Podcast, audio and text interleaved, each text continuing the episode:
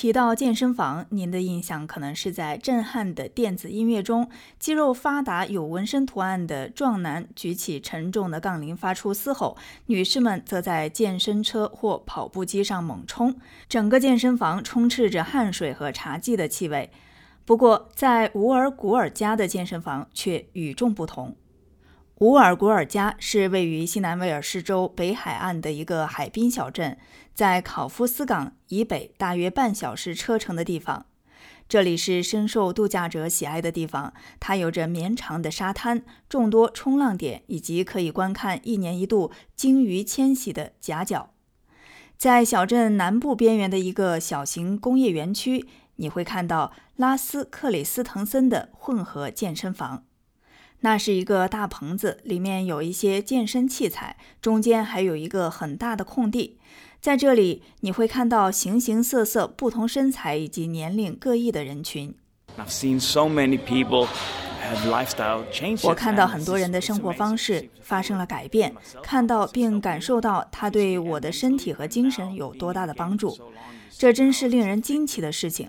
在这里锻炼了这么久，你会看到健身如何影响了这个小社区中的很多人。经营一个这样的地方能发挥如此大的作用，真是令人惊叹。克里斯滕森从丹麦移民到澳大利亚，他与澳大利亚有着深远的联系。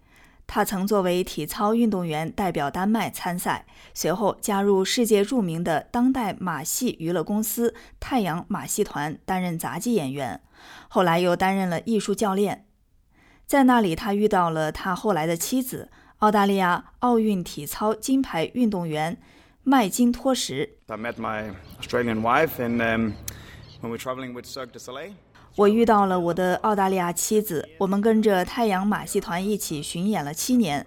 她在我开始一年后加入，所以我们一起环游世界，一起跟着太阳马戏团表演了六年。当那段时间结束后，我需要决定该去哪里，因为我们疯狂的相爱了。我说服她搬到丹麦，在丹麦住了几年，然后她说那里太冷了，风太大了，问我可不可以去澳大利亚。我说可以，完全用不着说服我。他的父母当时搬到乌尔古尔家过退休生活，我们来这里看了一下，我就非常渴望搬到澳大利亚了。太阳马戏团以其令人惊叹的杂技表演而闻名，表演者在空中翻滚，有时让观众喘不过气来。尽管它具有娱乐价值，但对表演者的身体来说却像是惩罚。Oh man, it it is demanding on your body. We we would do at least three 哦，这对我们的身体的要求很高。我们每年至少会演出三百场。作为一名体操运动员，这对我们的脚踝和膝盖都有影响。这种影响很严重。我很庆幸我坚持了七年，但最后一年我每天都要服用止痛片。我不想去做康复，所以最后我的双脚都需要接受手术。我已经到了一定的年龄。特鲁迪和我决定，无论如何，我们都需要建立一个家庭。这是一种停止伤害很自然的方式，并且这样我就可以专注于尝试完全不同的东西。克里斯滕森试图重返体操领域，但在太阳马戏团的岁月让他们付出了代价。正如他所说，体操运动员到了二十八岁就已经过了职业巅峰期。我一直有点好胜心，我需要一些东西来改变自己。所以我想，好吧，我有一个孩子，我需要，而且我想做一些高强度的身体训练，尝试在不同领域能够有所作为。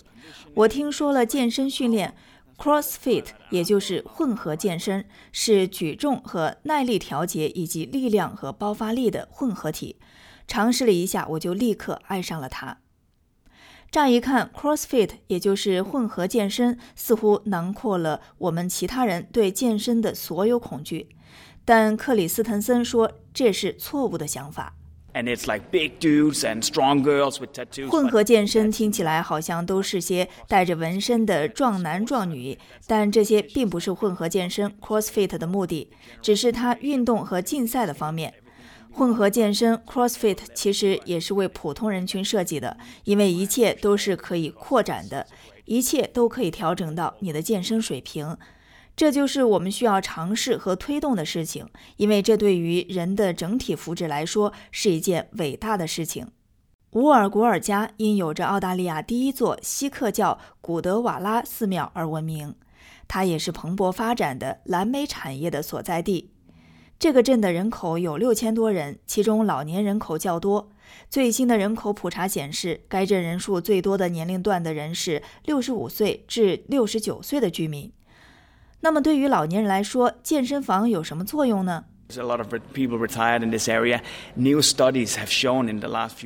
这里有很多退休的人。过去几年的新研究表明，每周至少两次举重和力量训练对于长寿和健康非常非常重要。当你看到人们工作了一辈子，他们退休了，然后他们突然动不了了，不再活跃了，这就使健身房有了用武之地。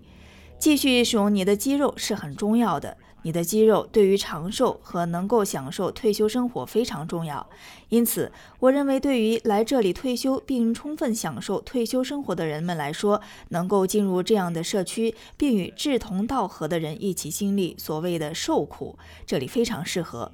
这是一份礼物，我很高兴能够帮助人们，并且每天都能看到这一点。这不仅仅是在健身房里健身。克里斯滕森一直在制作他所谓的围巾面包，据说秘方是从他的丹麦家族传承下来的。他非常有利于健康，当地社区对他爱不释手。但看到克里斯滕森训练，他用健壮的肌肉举起看似不可能的重量，会不会觉得很可怕呢？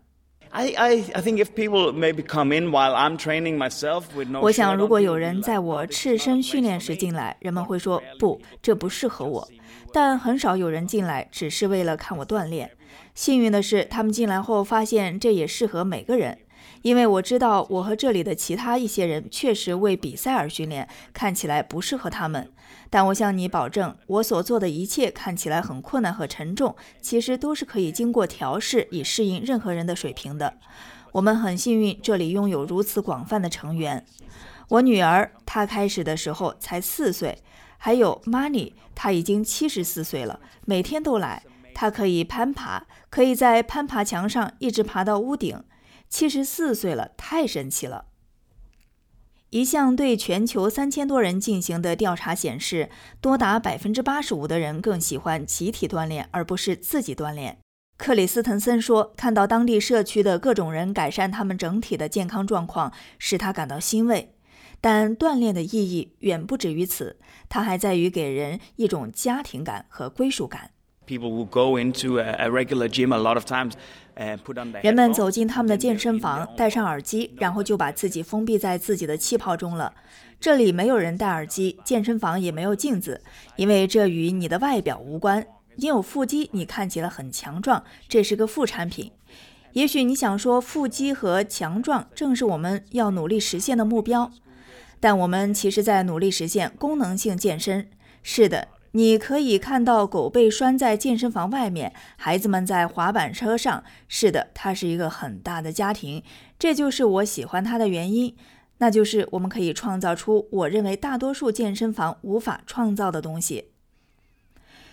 虽然克里斯滕森可能正在改变着乌尔古尔加当地居民对健身的态度，他自己也不是一个满足现状、止步不前的人。